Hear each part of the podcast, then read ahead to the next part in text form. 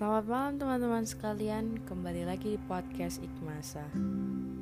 Pada episode kali ini kita akan membahas sastrawan baru yang bernama Al-Mutanabi atau yang memiliki nama lengkap Abu Atoyib Ahmad Ibnu Al-Husain Al-Mutanabi Al-Kindi. Beliau adalah seorang penyair besar yang berasal dari Irak, kemudian terkenal hingga ke seluruh penjuru Arab.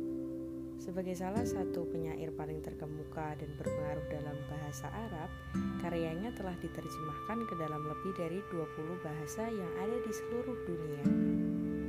Sebagian besar syairnya berupa pujian kepada raja-raja yang sempat ia kenal lewat kunjungannya ke berbagai pusat kerajaan dunia selama hidupnya.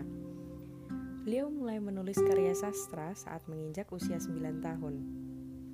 Selain terkenal dengan syairnya, Beliau juga banyak dikenal oleh orang karena kecerdasan, ingatan yang kuat, dan pikiran yang tajam.